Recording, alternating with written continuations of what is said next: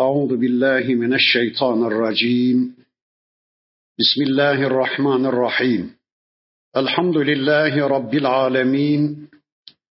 والصلاة وأتم التسليم على سيدنا محمد المبعوث رحمة للعالمين. اللهم لا سهل إلا ما جعلته سهلا. وأنت تجعل الحزن إذا شئت سهلا. اللهم علمنا ما ينفعنا وانفعنا بما علمتنا وزدنا علما برحمتك يا أرحم الراحمين. أما بعد. بسم الله الرحمن الرحيم. وإن كادوا ليستفزونك من الأرض ليخرجوك منها. واذا لا يلبثون خلافك إلا قليلا. سنة من قد أرسلنا قبلك من رسلنا ولا تجد لسنتنا تحويلا İlâ ahiril ayat sadakallahul azim. Muhterem müminler, birlikte İsra suresini tanımaya çalışıyorduk. Geçen haftaki dersimizde surenin 76. ayetine kadar gelmiştik. İnşallah bu haftaki dersimizde de okumuş olduğum bu 76. ayeti kerimesinden itibaren tanıyabildiğimiz kadar surenin öteki ayetlerini tanımaya çalışacağız. Geçen haftaki dersimizde 76. ayeti kerimeye bir mana vermiş, bir başlangıç yapmıştık. Allah buyuruyor ki, Ey peygamberim, yakında yeryüzünden senin ayağını kaydırmaya çalışacaklar. Seni sarsmaya, sallamaya teşebbüs edecekler. Seni Mekke'den çıkarmaya, hicrete zorlayacaklar. Eğer böyle bir şey yaparlarsa şunu kesinlikle bilesin ki ey peygamberim seni Mekke'den çıkarmak isteyenler de kesinlikle bilsinler ki seni çıkardıkları o coğrafyada onlar uzun süre yaşama şansına sahip olamayacaklar. Seni çıkardıkları andan itibaren ben onları helak edeceğim, onların defterini düreceğim. Sünnete men gad erselna kableke min rusulina. Senden önceki elçilerimize uyguladığımız yasa budur. Senden önceki peygamberlerimize uyguladığımız sünnetimiz budur. Tecidu li sünnetina tahvila. Bizim yasalarımızda, bizim adetimizde, bizim sünnetimizde bir değişiklik de bulamazsın. Bu ayeti kerimeden anlıyoruz ki hangi toplum Allah'ın kendilerine gönderdiği elçisiyle savaşa tutuşmuş, o elçiyi ve beraberindeki müminleri vatanlarından çıkarmaya, hicrete zorlamışlarsa o toplum kesinlikle helaki hak etmiş, peygamberleri vatanlarından çıkardıktan sonra uzun süre o bölgede yaşama fırsatını kaybetmişler, uzun süre kalamamışlar. İşte bizim karşımızda tarih durmaktadır. Ben birkaç örnek vereyim. Nuh Aleyhisselam gemiye binip de toplumu terk ettiği andan itibaren kısa bir süre sonra bir tufanla Rabbimiz o toplumu yok etmiştir. Hud peygamber kendisine iman etmiş bir avuç Müslümanla şehri terk ettikten sonra Ad kavmine sarsar diye bir rüzgar göndermiş Rabbimiz, bir fırtına göndermiş. Yedi gün sekiz gece o fırtına onların üzerine esi vermiş. Hızı saatte bilmem kaç bin kilometre taş taş üstünde bırakmamış. Her şeyi büküp büküp devirmiş. 40-50 metre boyundaki insanlar içini kurt yemiş hurma kütükleri gibi devrili vermişler. Peygamber aralarından ayrıldıktan kısa bir süre sonra Allah'ın helakının mahkumu olmuşlar. Bir Lut aleyhisselamı düşünün. İki kızıyla birlikte şehri terk ettiler. Arkanıza bile bakmayın dedi Rabbimiz. İki kızıyla birlikte Lut aleyhisselam şehri terk eder etmez iki melek geliyor. Sodom ve Gomorra isimli o iki büyük şehri kaldırıyorlar gökyüzüne. Ters çevirip yere vuru veriyorlar. o bölge çökü veriyor, bir krater göl oluşuyor. İşte şu anda Lut gölünün altında iki büyük şehir yatıyor. Lut aleyhisselam o bölgeyi terk ettiği andan itibaren Lut kavmi helaki yudumluyor.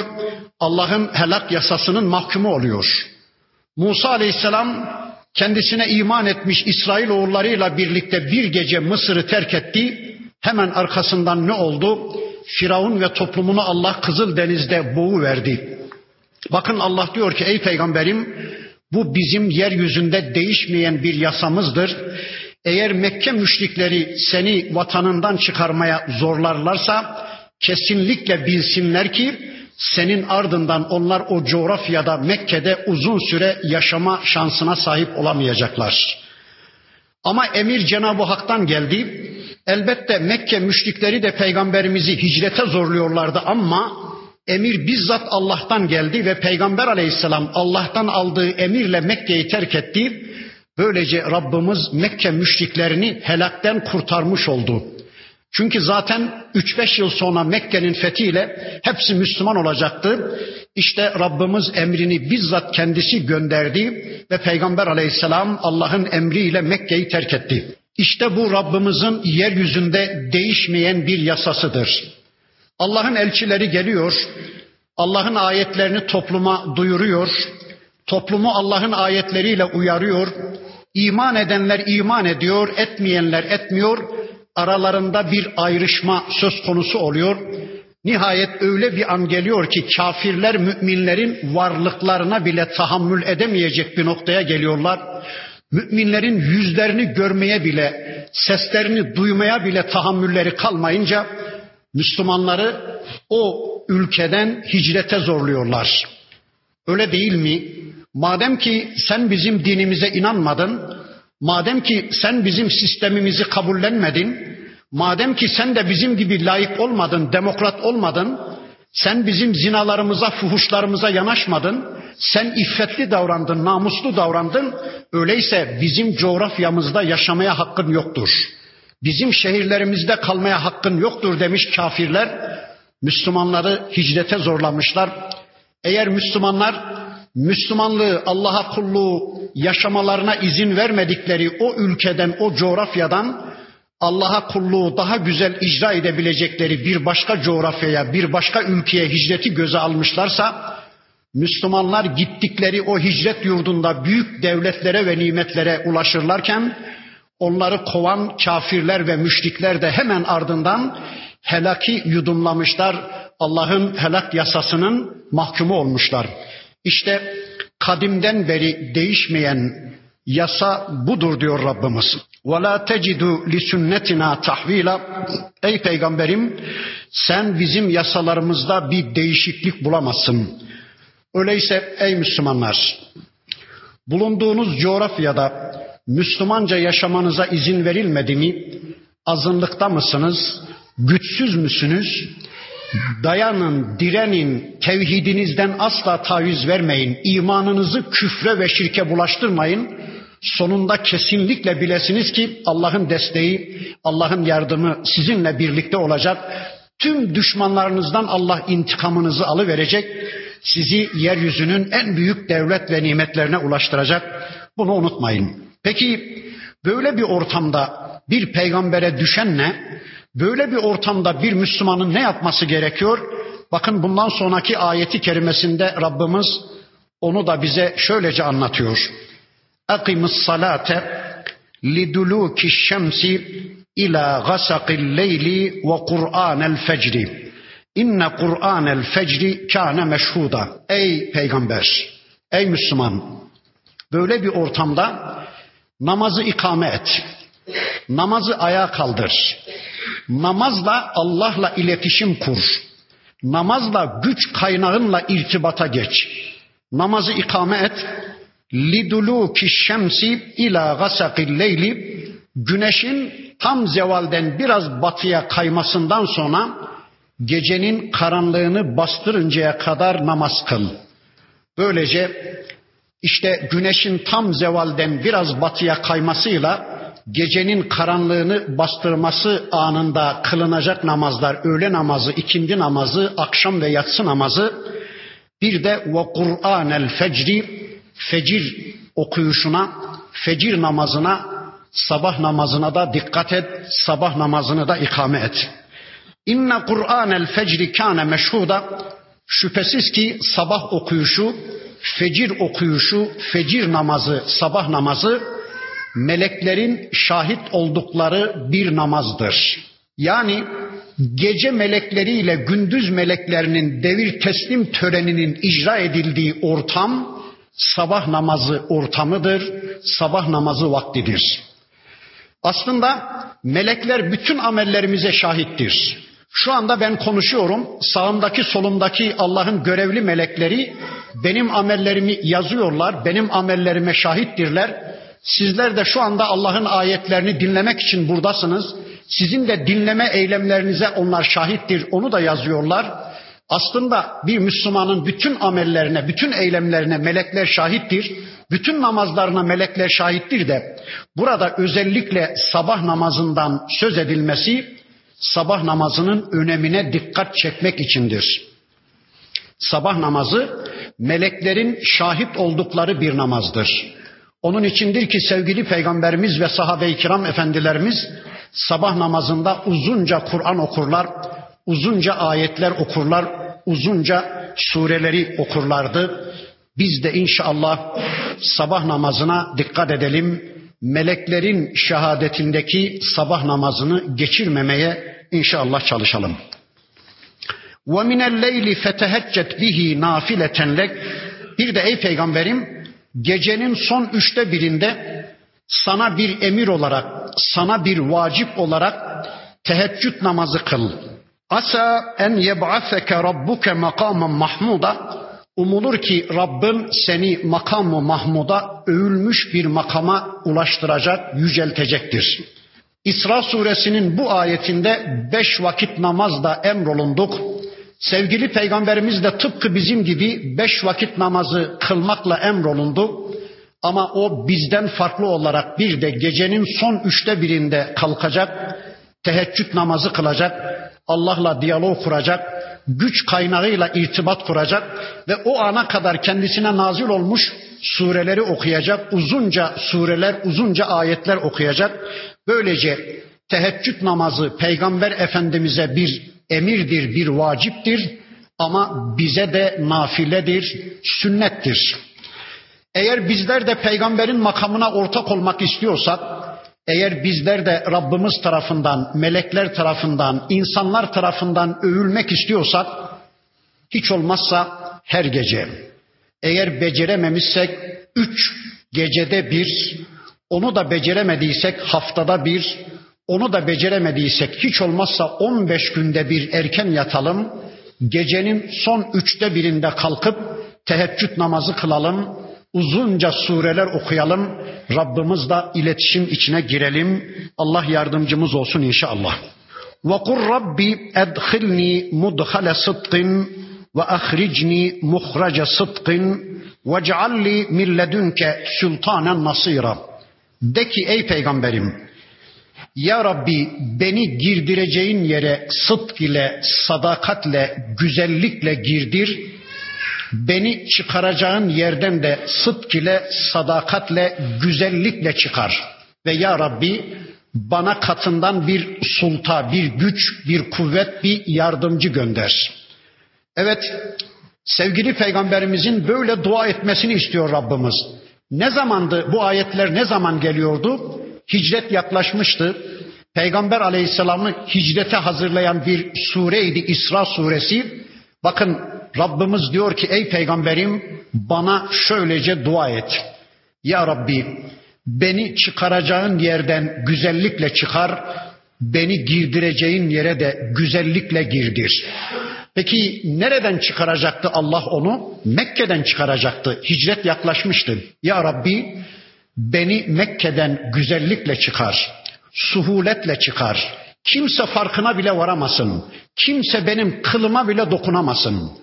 Ya Rabbi beni girdireceğin yere de güzellikle girdir. Nereye girdirecekti Allah onu? Medine'ye girdirecekti. Ya Rabbi beni girdireceğin yere de güzellikle, sıdk ile, sadakatle girdir. Bakın sevgili peygamberimizin böyle dua etmesini istiyor Rabbimiz. Yahut da her nereye Allah bizi girdirdiyse sıdk ile, sadakatle yani imanımızın tasdiki olarak, imanımızın eylemi olarak girdirsin. Nereden çıkaracaksa da yine sıdk ile, sadakatle Allah bizi oradan çıkarsın diye biz de dua etmek zorundayız.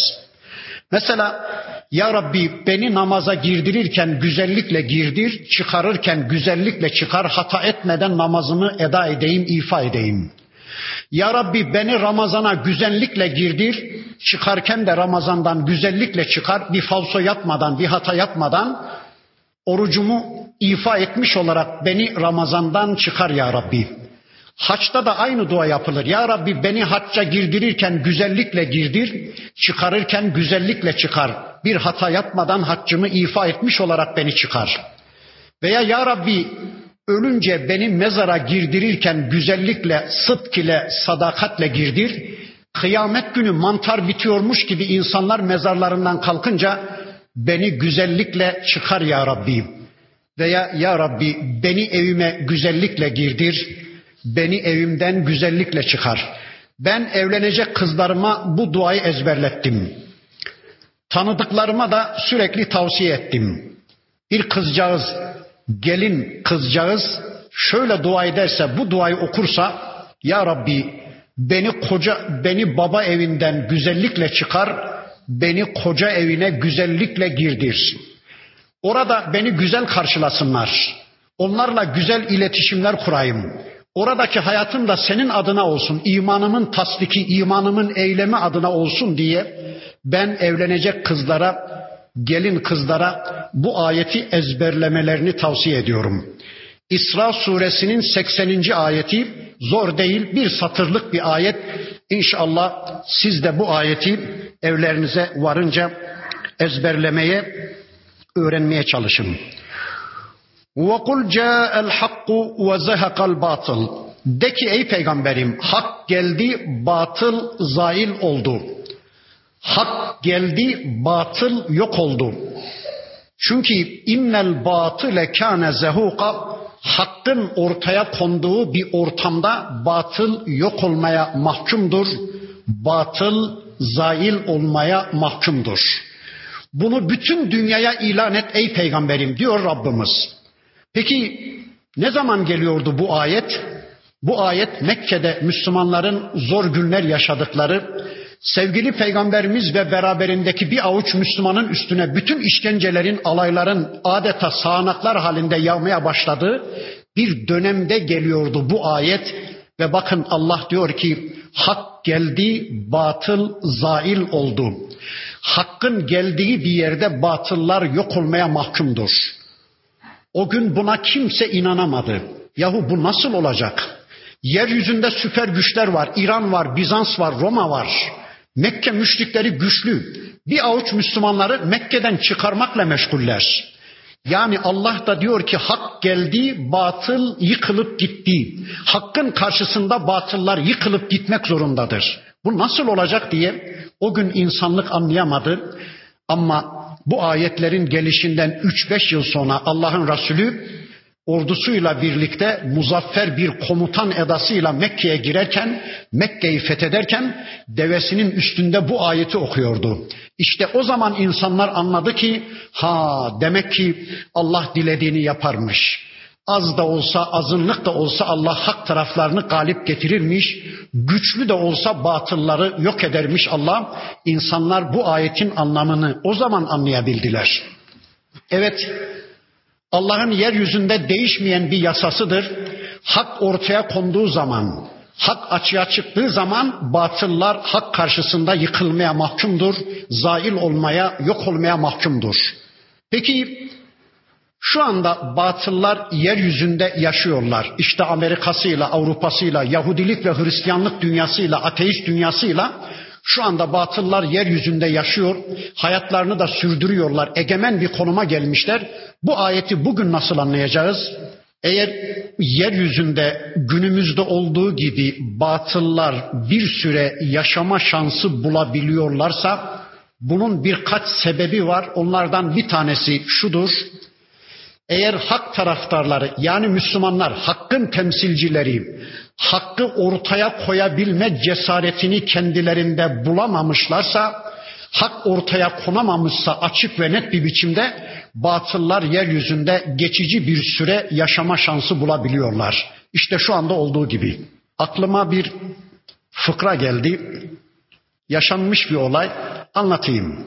Avusturyalı bir delikanlı bir Türk kızına aşık olmuş. Olmuş bir olay anlatıyorlar. Demiş ki kıza evlenelim. Kız demiş ki yo sen kafirsin, sen Hristiyansın, Müslüman olman lazım demiş. Oğlan Müslüman olmuş. Nişanlanmışlar. Kurban bayramı gelmiş. Sormuş Türklere, Müslümanlara. Ya sizde adet nedir? Kız evine hediye ne gider? Ben nişanlıma ne göndereyim? Demişler ki güzel bir kurban al. Tam kurban bayramı günleri kesersin. Götürür nişanlına, ailesine hediye edersin. Oğlan bir kurbanlık almış. Fakat ömründe hiç koyun kesmemiş.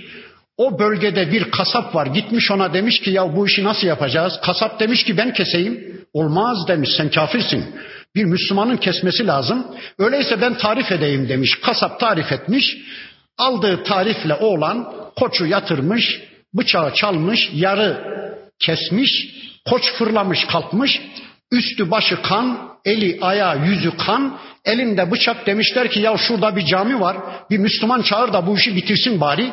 Pür hiddet camiye girmiş, elinde bıçakla. İçinizde Müslüman var mı? Herkes susmuş. Bir sürü cemaat var.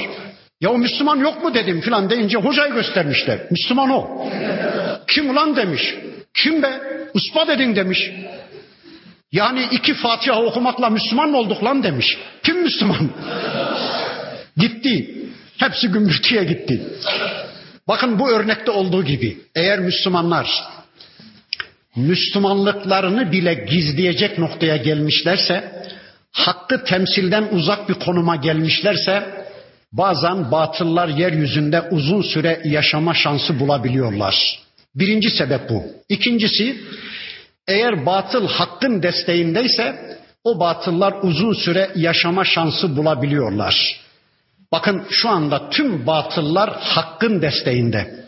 Şurada bir mum olsa onu çevreleyen cam bir fanusun içine koysanız mumu dışarıdan istediğiniz kadar üfleyin o cam fanus onu muhafaza ettiği sürede o mumu söndüremezsiniz değil mi?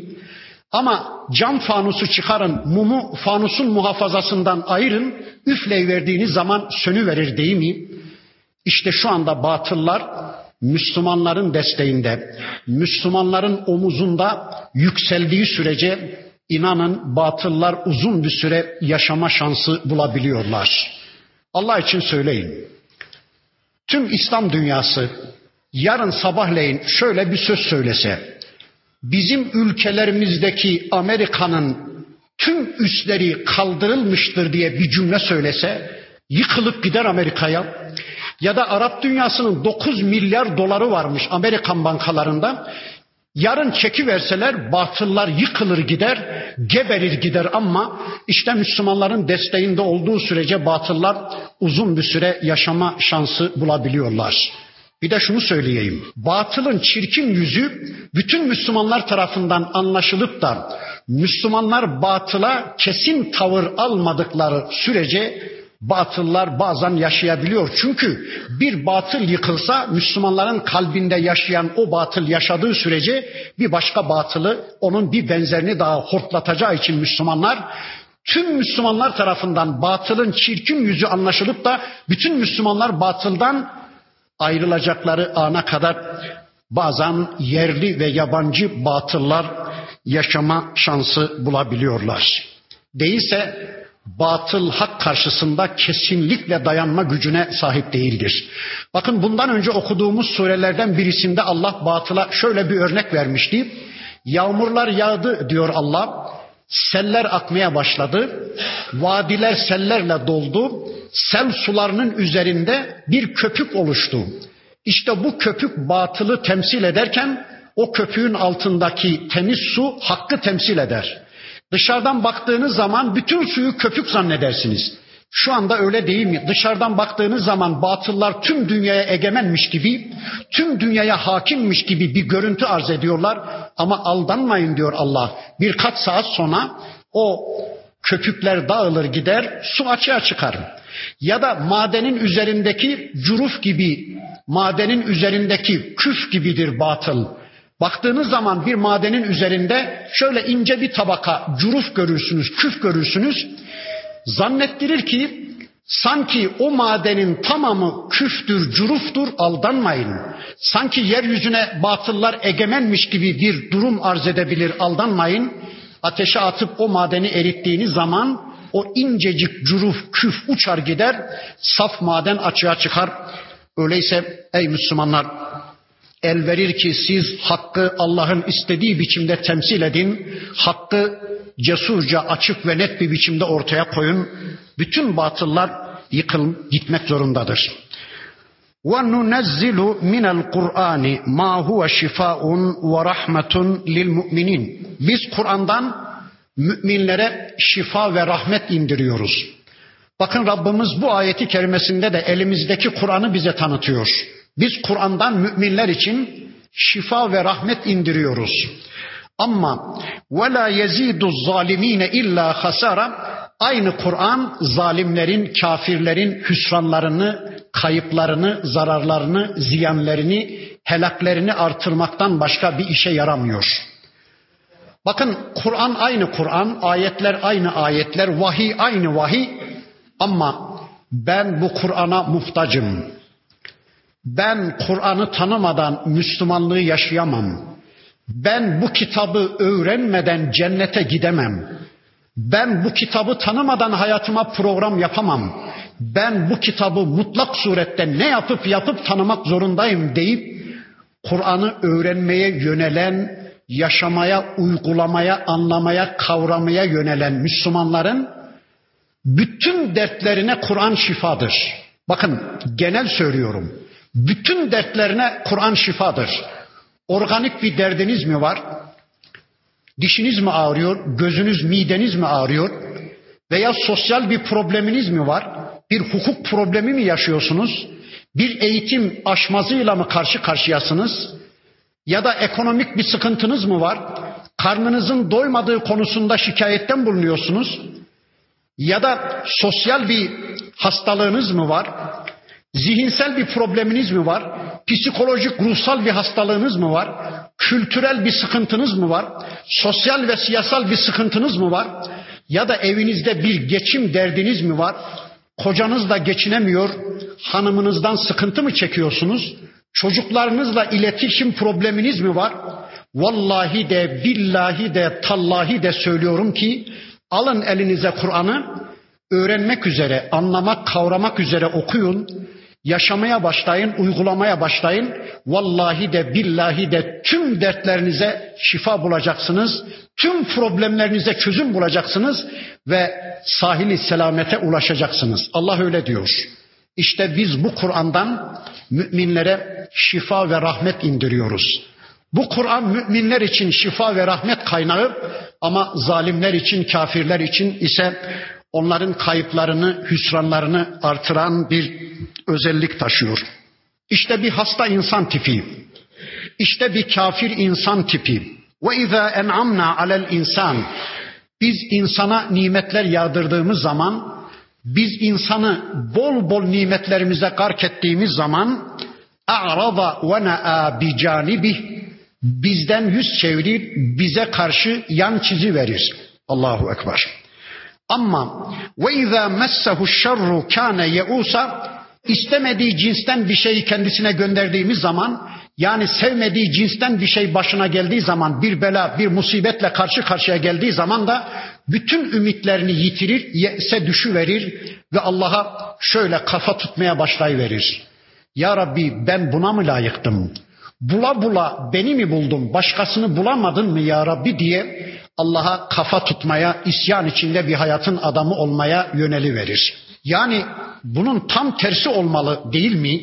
Bir kişi Allah'ın nimetlerine ulaştığı zaman, Allah'ın nimetlerine gark olduğu zaman daha çok ona teşekküre yönelmeli, daha çok kulluğa yönelmeli iken yani bir insan tipi var ki karşımızda Allah'ın nimetlerine ulaştıkça Allah'tan yüz çeviriyor, Allah'a yan çiziyor.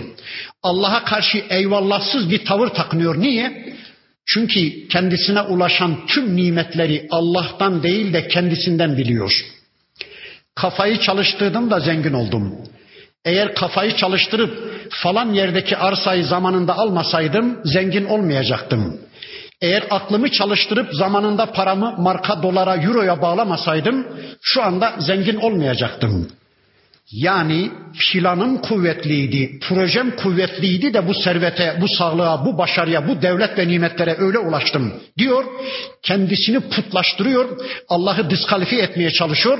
Ama o nimetleri kaybettiği zaman da kendisini suçlamıyor da hemen Allah'a isyan etmeye kalkıyor. İyi de madem ki onları sen kazandın, niye kaybetmemeyi başaramadın? Madem ki o sağlık sendendi, niye hasta olmamayı beceremedin? Madem ki o gençlik sendendi, niye ihtiyarlamamayı beceremedin? Madem ki o zenginlik sendendi, niye fakir olmamayı beceremedin? E demek ki onlar senden değil, veren de Allah, alan da Allah. Ama adam her şeyi kendisinden bilince, kendisini putlaştırınca Nimetlere ulaştığı zaman kendisini tanrılaştırıyor ama o nimetler elinden alındığı zaman da Allah'ı suçlamaya kalkıyor. Halbuki bir Müslüman nimetleri de Allah'tan bilir, o nimetlerin alınışını da Allah'tan bilir. Allah'tan kendisine bolca nimetler gelince şükreder, Allah geçici bir imtihan sebebiyle o nimetleri elinden aldığı zaman, mesela sağlığını bozup hasta kıldığı zaman ya da bir iflasla başka bir sebeple elindeki servetini, gücünü elinden aldığı zaman bu sefer de sabreder. Yani Allah verirken iyiydi de alırken kötü mü? Veren de Allah, alan da Allah. Bazen vererek imtihan eder, bazen alarak imtihan eder ama bir hasta insan tipinden söz etti Rabbimiz. Kul de ki ey peygamberim. Kullun ya'melu ala şakiletihi. Herkes kendi şakilesine göre, kendi inancına göre, kendi tabiatına göre, mizacına göre, karakterine göre hareket eder Herkesin amelleri inancına göre şekillenir. Herkesin dünyası ve davranışları mizacına göre, inancına göre, karakterine göre şekillenir. Herkes inancına göre davranış normları geliştirir. Bir kafirin hayatı küfre göre şekillenirken bir Müslümanın hayatı onun imanına göre şekillenir. فَرَبُّكُمْ أَعْلَمُ بِمَنْ هُوَ اَهْدَى سَب۪يلًا Kim doğru yolda, kim hidayette, kim de batıl yolda, yanlış yolda en iyi bilen Allah'tır. Bir Müslümanın hayatı inancına göre şekillenir. Az evvelki cümlelere bir daha döneyim. Bir Müslüman nimetlere ulaştığı zaman o nimetlerin vericisi olarak Allah'ı bilir, ona şükreder. O nimetler elinden alındığı zaman da bir imtihan sebebiyle alındığını bilir, sabreder. Her iki halde de Müslüman hayırdadır, cennet kazanmaktadır ama bir kafirin bu konudaki tavrı kendi inancına göre, şakilesine göre işte oluşmaktadır, meydana gelmektedir. Ve yeselûneke anir ruh. Bundan sonra Rabbimiz şöyle buyuruyor. Ey peygamberim sana ruhtan soruyorlar. Kulir ruhu min emri Rabbi. De ki ruh benim Rabbimin emirlerinden bir emirdir. Ruh benim Rabbimin işlerinden bir iştir. وَمَا اُوتِيتُم مِنَ الْعِلْمِ illa kalila Ve size de az bir bilgi verilmiştir. Size verilen bu azıcık bilgiyle sizin ruhu bilmeniz, tanımanız, anlamanız mümkün değildir. Allah diyor ki ey peygamberim sana ruhtan soruyorlar. Peki ruh nedir? Kur'an-ı Kerim'e baktığınız zaman Kur'an'ın bir ismi de ruhtur. Allah diyor ki ve kezalike evhayna ileyke ruhan min emrina. Peygamberim sana katımızdan bir ruh indirdik. Kur'an'ın bir adı da ruhtur. Ne demek o? İnsanı diri tutan, canlı tutan şey demektir. Bakın Kur'an-ı Kerim'e göre mümin diridir, kafir ise ölüdür. Kur'an'la irtibat halinde olan bir mümin diridir ama Kur'an'la irtibatı kesilmiş olan bir kafir ölüdür. Dirilik Müslümanlar için söz konusu. Kafirler ölüdür. İşte insanlara dirilik sebebi olan, insanları diriliğe ulaştırdığı için Kur'an'ın bir adı da ruhtur. Öyleyse bu ayete şöyle mana vereceğiz. Peygamberim sana ruhtan soruyorlar, Kur'an'dan soruyorlar. Ey Muhammed kime ait bu sözler? Sen mi söylüyorsun? Kimden geliyor bu yasalar? Kimden geliyor bu ayetler diye sana vahiy soruyorlar, sana Kur'an'ı soruyorlar. Birinci mana bu. İkinci mana ruh Cebrail aleyhisselamın ismidir. Ruhul emin. Öyleyse peygamberim sana ruhtan soruyorlar, Cebrail'den soruyorlar. Ey Muhammed sana bu sözleri getiren melek nedir, kimdir? Nasıl bir varlıktır, özelliği nedir? Kimden getiriyor, nasıl getiriyor? Sana ruhtan soruyorlar, sana Cebrail'den soruyorlar ey peygamberim. Üçüncü mana da ruh insanı canlı tutan şeydir. Bakın şu anda ben hareket ediyorum, ben konuşuyorum. Beni hareket ettiren şey benim ruhumdur. İnsan ölünce ruh çıkar diyoruz ya. Ya da Allah'tan gelme ruhumuz, topraktan oluşan bedenimiz var ya, ruhla bedenin bileşkesine insan diyoruz ya. İşte ey peygamberim sana o ruhtan soruyorlar. De ki o ruh benim Rabbimin emirlerinden bir emirdir, eylemlerinden bir eylemdir. Size de az bir bilgi verilmiştir. O az bilgiyle sizin o ruhu bilmeniz, öğrenmeniz, tanımanız mümkün değildir. Peki nasıl az bilgi diyeceğiz? Allah altı bin küsür ayet göndermiş, bize bilgi sunmuş. Tevrat'la Allah yeryüzüne bilgi aktarmış. İncil'le Zebur'la Allah yeryüzüne bilgi aktarmış Daha önce suhuflarla Allah yeryüzüne bilgisinden aktarmış. Daha önce sözlü vahiylerle her bir peygamberine Allah bilgi aktarmış. Adem Aleyhisselam'dan şu ana kadar Allah yeryüzüne vahiyler, bilgiler göndermiş.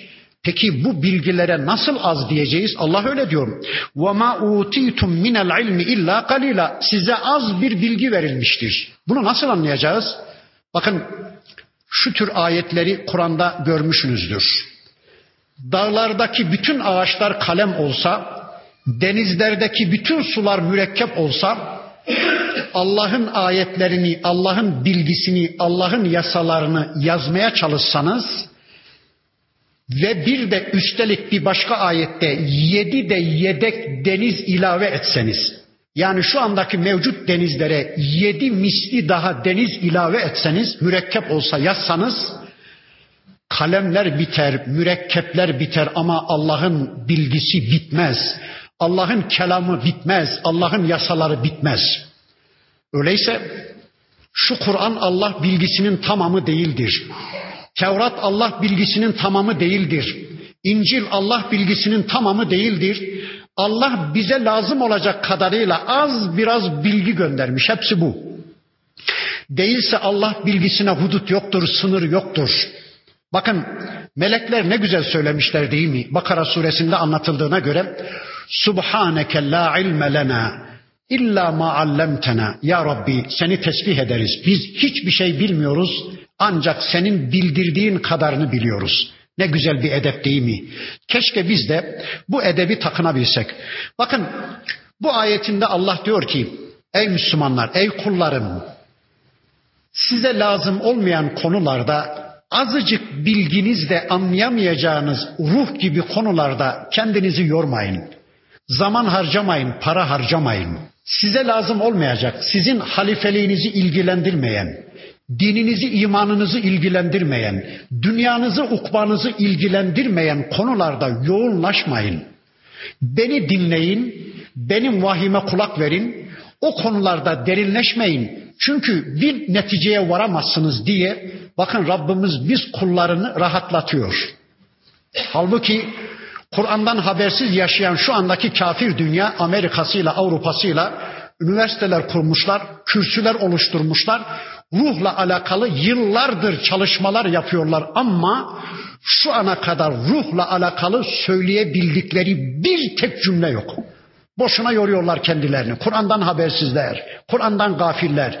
Yöneli verseler Kur'an'a, ilgileni verseler, okuyu verseler bu ayetleri kendilerini yormayacaklar ama zavallılar yoruyorlar, yoruluyorlar. Bakın Kur'an'da bize lazım olmayan sorulara Allah cevap vermemiş. lüks, fantazik sorular. Ama bize lazım olan bizim halifeliğimizi, bizim kulluğumuzu ilgilendiren konularda ya da öğrenme niyetiyle, amel etme niyetiyle sorulmuş sorularda Allah cevap vermiş. Bir iki örnek vereyim. Yes'elûneke anil ehille. Peygamberim sana hilallerden soruyorlar. Hilal bize lazım. Ramazan onunla, kurban onunla, bayram onunla. Hilal bize lazım. Anlatmış Allah hilali uzunca. Sonra Yes'elûneke anil mahiz. Peygamberim sana hayızdan soruyorlar. Lazım bize. Kadınlarımız için lazım. Temizlikleri için, gusülleri için, namazları için, abdestleri için lazım. Anlatmış Allah hayızı. Uzunca anlatmış. Mesela yeselûneke mâzâ yunfikun. Sana ne infak edeceklerini, nasıl infak edeceklerini soruyorlar. İnfak bize lazım. Onun için anlatmış Allah ama bize lazım olmayan, dinimizi ve dünyamızı ilgilendirmeyen, amele dönüştürme imkanımız olmayan konularda Allah cevap vermemiş. Mesela Yes'elûneke anis saati. Peygamberim sana kıyametin ne zaman kopacağını soruyorlar. Size ne ondan? Size ne? Sizi ne ilgilendirir?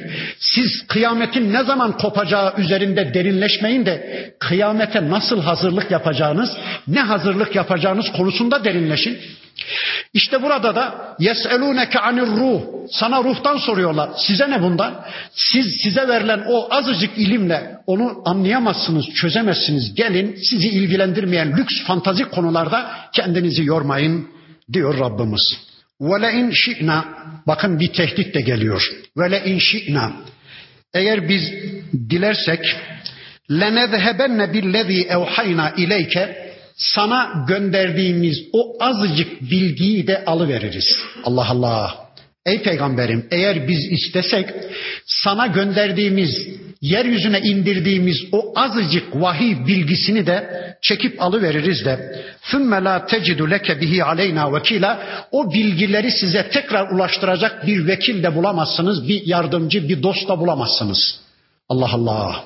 Alıverse Allah yeryüzünden vahiy bilgisini Adem Aleyhisselam'dan son peygambere kadar yeryüzüne indirdiği tüm vahiy bilgilerini kafalarınızdan alıverse, kalplerinizden alıverse, kitabından da alıverse, sabahleyin bir uyandınız ki Kur'an'da 114 sure var. 110 sure silinmiş. Bir baktınız ki defter bomboş. Hiçbir ayet kalmamış. Sadece 4 sure kalmış. Şöyle bir soru sorayım. Haberiniz olur mu? Ya şimdi haberimiz yok ki o zaman haberimiz olsun. Kur'an'da böyle bir sure var mı yok mu milletin haberi yok. Şimdi haberi olmayanın o zaman nereden haber olacak? Zaten birileri bozuk para gibi Allah'ın ayetlerini harcıyor hiç haberiniz yok. Müdafaa etmeye bile kalkışmıyorsunuz. E şimdi haberiniz yok ki o zaman haberiniz olsun. Şöyle bir soru sorayım. Kimileri sevinir mi? Vallahi hatimlerde falan zorlanıyorduk. 114 sure. 4 sure kaldı. 10 dakikada defterini düreriz diye. İçimizde sevinenler çıkar mı? Herhalde çıkar gibi değil mi? Veya kimileri şöyle der mi? Ya Rabbi yani bu kadar ayet fazla, bu kadar sure fazla. Şöyle dükkanın merasimlenmesinde okuyabileceğimiz, dükkan açılışlarında okuyabileceğimiz 3-5 ayet veya işte nişanda, düğünde okuyabileceğimiz, merasimlerde okuyabileceğimiz 5-10 ayet veya bir hasta başında okuyabileceğimiz birkaç ayet yeterdi. Ya Rabbi bu kadar ayeti, bu kadar sureyi niye gönderdin? Diyenler çıkar mı? Herhalde çıkar. Bakın Allah diyor ki isteseydik biz onları da alıverirdik. Ama illa rahmeten min rabbik. Rabbin rahmeti gereği almıyor Rabbin. O bilgileri senden almıyor, yeryüzünden almıyor ey peygamberim. İnne fazlehu kana aleyke kebira. Şüphesiz ki Rabbin fazlu keremi ihsanı ey peygamberim, ey Müslüman senin üzerine, sizin üzerinize çok çok büyüktür. Bakın Rabbimizin üstümüze öyle büyük fazlı keremi var ki bir kitap göndermiş yalanlamışlar. Ardından bir kitap daha göndermiş tahrif etmişler. Bir peygamber göndermiş sövmüşler. Bir peygamber göndermiş dövmüşler. Bir peygamber göndermiş hicrete mahkum etmişler. Bir peygamber göndermiş öldürmüşler. Gözünüze yüzünüze dursun. Artık bundan böyle ben de elçi ve kitap göndermeyeceğim. Cehenneme kadar yolunuz var demiyor Allah. Biz olsak böyle deriz değil mi? Cehenneme kadar yolunuz var demiyor. Öldürüyorlar arkasından bir daha. Kullarına karşı öyle fazlı keremi var ki Rabbimizin. Öyle merhametli ki kullarının cennetine öyle haris ki Rabbimiz kullarının cehenneme gitmesini öyle istemiyor ki Rabbimiz. İşte böylece bize rahmetinin gereği olarak bilgi üstüne bilgi ulaştırıyor. Kul, istediği kadar insanlar bu kitabın kıymetini bilmesinler. İstediği kadar insanlar insan bilgilerinin peşine düştükleri kadar Allah bilgisinin peşine düşmesinler. Aman bilgisayar öğrenelim diye, aman fizik kimya öğrenelim diye para harcasınlar, zaman harcasınlar. Aman vahyi tanıyalım, Kur'an'ı sünneti öğrenelim diye istediği kadar insanlar para ve zaman ayırmasınlar, harcamasınlar. İstedikleri kadar bu vahyin kadri kıymetini bilmesinler. De ki ey peygamberim le in içtemaatil insu vel cinnu ala en ye'tu bimithli hadal Kur'an insanlar ve cinler bu Kur'an'ın bir benzerini meydana getirmek için toplansalar la ye'tune bimislihi velev kana ba'duhum li ba'dın zahira bu Kur'an'ın bir benzerini, bir mislini asla getiremezler Velev ki birbirlerine muzahir de olsalar, birbirlerine destekçi de yardımcı da olsalar. İşte şu anda cinlerin alimlerini toplayın, insanların bilim adamlarını, film adamlarını toplayın, matematikçilerini, fizikçilerini, tarihçilerini toplayın, edebiyatçılarını, dil bilimcilerini toplayın, profesörlerini toplayın, ordinaryus profesörlerini toplayın, cinleri de yardıma çağırın, bırakın Kur'an'ın bir benzerini, bir suresini bile, bir ayetini bile, bir tek yasasını bile ortaya koyamazlar. İşte Rabbimiz kıyamete kadar bütün insanlığa böyle bir ilanda bulunuyor, böyle bir hodri meydanda bulunuyor. وَلَقَدْ صَرَّفْنَا لِلنَّاسِ ف۪ي هَذَا الْقُرْآنِ مِنْ كُلِّ مَثَلٍ Muhakkak ki biz Kur'an'da her bir misali, her bir örneği ortaya koyduk. İşte Rabbimiz geçmişleri anlattı. Önceki elçilerin sergüzeşti hayatlarıyla bizi yüz yüze getirdi. Kıssaları anlattı, cenneti anlattı, cehennemi anlattı. Bizi bize anlattı, bizi bizimle yüzleştirdi. Denizi anlattı, gemiyi anlattı, gökyüzünü anlattı, yıldızları, ayı, güneşi anlattı. Yeryüzünde, gökyüzünde yarattığı milyarlarca ayetini tanıttı bize. Ama فَاَبَا اَكْفَرُ النَّاسِ illa kufura insanlardan pek çoğu küfürde direniyorlar. Bu Kur'an'a yönelmeme konusunda inatlarını sürdürebiliyorlar. Ve şöyle diyorlar. وَقَالُوا Mekke müşrikleri bakın sevgili peygamberimize şöyle diyorlardı. Len nu'mine leke ey peygamber, ey Muhammed biz kesinlikle sana iman etmeyeceğiz. Ebediyen sana ve Rabbına inanmayacağız. Hatta tefcura lena minel ardı yembu'an. Şu arazilerden kaynaklar fışkırtmadıkça, pınarlar fışkırtmadıkça, işte şu anda bizim arazilerimiz ekime dikime müsait değil, çöl araziler. Bu çölün ortasından kaynaklar, ırmaklar fışkırtıp da bu arazileri bağlık, bahçelik hale getirmedikçe sana iman etmeyeceğiz. Ev tekune leke cennetun min nakhilin ve inebin yahut da senin üzüm ve hurma bağların, bahçelerin olmadıkça sana iman etmeyeceğiz. Fetüfecciral enhara hilaleha tefcira o üzüm ve hurma bağlarının arasından da pınarlar akıtmadıkça, ırmaklar akıtmadıkça sana iman etmeyeceğiz. Ev tusqıtas sema'e kema zaamte aleyna kisefen yahut da iddia edip durduğun gibi gökyüzünden üzerimize bir parça düşürmedikçe gökyüzünden üzerimize bir kütle düşürmedikçe sana iman etmeyeceğiz ey Muhammed. Ev te'tiye billahi vel melaiketi kabila yahut da Allah'ı ve melekleri karşımıza getirip dikmedikçe sana iman etmeyeceğiz. Şunlara bakın. Ayrı ayrı zamanlarda da söylemiş olabilirler ya da aynı anda her bireri birer teklifte bulunmuş olabilir. Bakın diyorlar ki ey Muhammed Allah'ı ve melekleri karşımıza dikmedikçe, karşımıza getirmedikçe sana iman etmeyeceğiz. Allah gelmeli ve şöyle demeliymiş. Ben Allah'ım. Bu da benim elçim. İnanın. Bakın ben söylüyorum. inanın diyecekmiş. Yani Allah peygamberin peygamberliğine şahitlik yapacakmış. Ya da melekler diyecekmiş ki yahu bizler meleğiz. Bu gerçekten Allah'ın peygamberi. Bu Muhammed Aleyhisselam'a iman edin diyecekmiş. Öyle iman edeceklermiş. Allah'ı ve melekleri bekliyorlar. Başka bakın devam ediyor teklifleri. Ev yekune leke beytun min zuhrufin yahut da som altından bir evin olmalı Som altından bir evin olmalı senin ey Muhammed.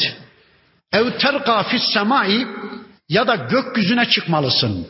Gökyüzüne yükselmelisin.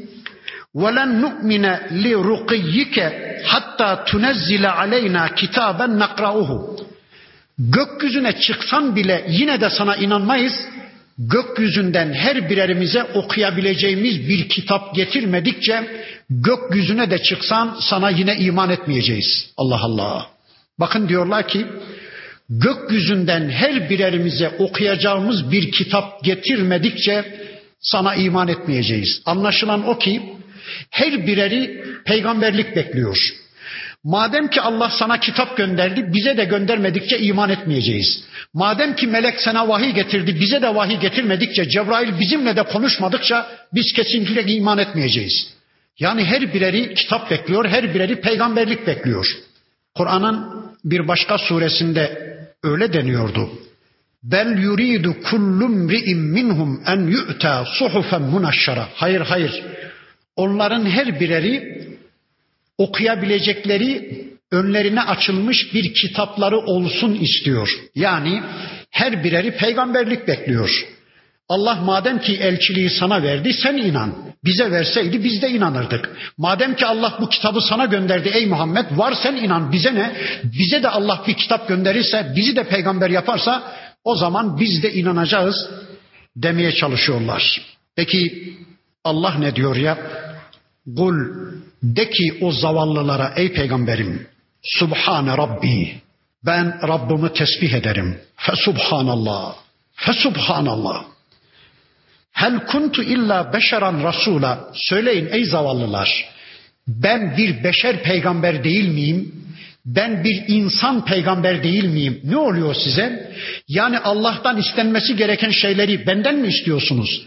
Beni Allah'la mı karıştırıyorsunuz? Yapmayın, etmeyin. Sadece Allah'ın gücünün yetebileceği şeyleri, sadece Allah'ın becerebileceği şeyleri bir beşer olarak, bir insan olarak, sizin gibi zavallı, aciz bir insan olarak benden mi istiyorsunuz? Beni Allah'la mı karıştırıyorsunuz? Yanlış kapı çalıyorsunuz ey ahmaklar. Deyiver ey peygamberim. Ya da Subhane Rabbi, Ya Rabbi ben bu zavallıların yaptıklarından ötürü senden özür diliyorum. İnsanların günahları attıkça melekler Allah'a istiğfar ederler. Allah'tan özür dilerlermiş. Allah'ın gazaba gelmesini, yeryüzünü helak etmesini istemedikleri için Ya Rabbi bunlar adına senden özür dileriz derlermiş melekler. Belki de Allah'ın Resulü Ya Rabbi bu zavallıların şu lakırdılarından, şu isyanlarından dolayı senden özür diliyorum. Ya Rabbi seni tesbih ediyorum. Bundan sonra Cenab-ı Hak şöyle buyuruyor. وَمَا مَنَعَ النَّاسَ insanları men eden şey, engelleyen şey en yu'minu iz ca'ehumul huda. Kendilerine hidayet geldiği zaman, kendilerine kitaplar ve Allah'ın elçileri geldiği zaman insanları inanmaktan engelleyen şey şudur. Bakın tarih boyunca insanların iman etmelerine engel olan şey neymiş onu anlatacak Allah. Neymiş o? İlla en galu şöyle demeleridir. Ebasallahu beşeran rasula. Ne oluyor? Allah bir insanı mı elçi göndermiş? Allah bir insanı mı elçi gönderiyor demeleri tarih içinde insanların iman etmelerine engel olan sebeptir, engel olan şeydir diyor Allah. Evet, demek ki Adem Aleyhisselam'dan şu ana kadar yeryüzünde inanmayanların iman etmemelerinin sebebi neymiş? Allah bir beşeri elçi seçip göndermez. Allah böyle bir şey yapmaz. Eğer Allah bize bir elçi seçip gönderecek olsaydı harikulade bir varlık gönderirdi yahut da bir melek gönderirdi. Olmaz böyle şey. Bizim gibi yiyen, içen, konuşan, hasta olan, baba olan, koca olan, acı kan susayan, ayağını akrep sokan, işte kılıç darbesi yanağını yaran, çarşı pazarda geçim için ticaret yapan, bizden farkı olmayan bir insanı Allah asla elçi olarak göndermez. Allah gönderse gönderse bir meleği elçi olarak gönderir demeleri, böyle düşünmeleri tarih içinde insanların iman etmelerine engel olan sebep buymuş. Bakın bir melek gelseydi şöyle demeyecekler miydi? Git kardeşim bilmediğimiz tanımadığımız birisin. Gençliğini tanımadık, çocukluğunu tanımadık, bizim içimizde yaşamadın. Belki doğru mu söylüyorsun, yalan mı söylüyorsun, kim olduğunu bilmiyoruz. Git işine bak demeyecekler miydi? Yani içlerinde doğup büyümüş, gençliğine şahit oldukları, ömründe bir kerecik ağzından yalan duymadıkları, ömründe bir kerecik bir falsosuna şahit olmadıkları, bildikleri, tanıdıkları bir peygamberi, Muhammedül Emin diye isimlendirdikleri bir peygamberi reddeden bu insanlar, bir meleği tanımadıkları, bilmedikleri bir meleği haydi haydi reddedeceklerdi değil mi?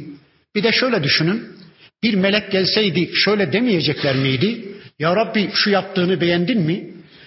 Bu meleğin yeme içme özelliği yok. Bu meleğin erkeklik dişilik özelliği yok.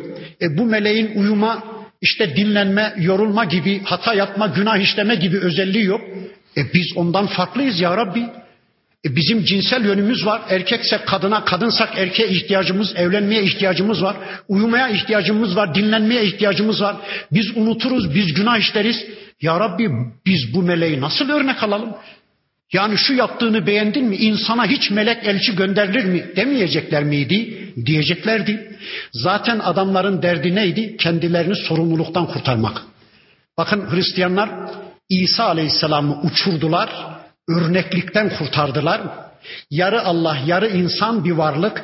Ruhu Allah ruhu, bedeni insan bedeni, Allah'la insan karışımı bir varlık dediler. Örneklikten çıkardılar, uçurdular ve rahat bir nefes aldılar. Oh dediler. Niye? Çünkü soruyorsunuz bir Hristiyana, bir papaza, ya içki içiyorsun. İsa Aleyhisselam senin örneğin hiç içki içti mi? Valla o ayrı diyor. Biz onun gibi olamayız. O Tanrı'ydı diyor. Yarı Allah, yarı insan. Örneklikten çıkarma derdiyle yaptılar bunu. Bir domuz eti yiyen bir Hristiyana soruyorsunuz. İsa Aleyhisselam ömründe hiç yemedi. Sen niye yiyorsun? Vallahi biz onun gibi olamayız ki diyor. Örneklikten çıkardılar, rahat bir nefes aldılar.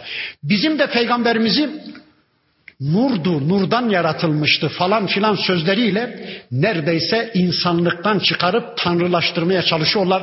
Halbuki Allahu nuru semavati vel ard. Göklerin ve yerin nuru Allah'tır. Peygamber topraktan yaratılmıştır. Bizim gibi bir beşer değil, onu insanlıktan, örneklikten çıkarıp rahat bir nefes almak isteyenlere karşı fırsat vermeyelim. Evet, cevabı Allah verecek ama vaktimiz doldu. İnşallah burada kalalım. Kaldığımız yerden surenin öteki ayetlerini tanımak için tekrar bir araya gelmek üzere Allah'a emanet olun. Subhaneke Allahumma ve bihamdik. Eşhedü en la ilahe illa ente estağfiruke ve etubu ileyk. Velhamdülillahi Rabbil alemin.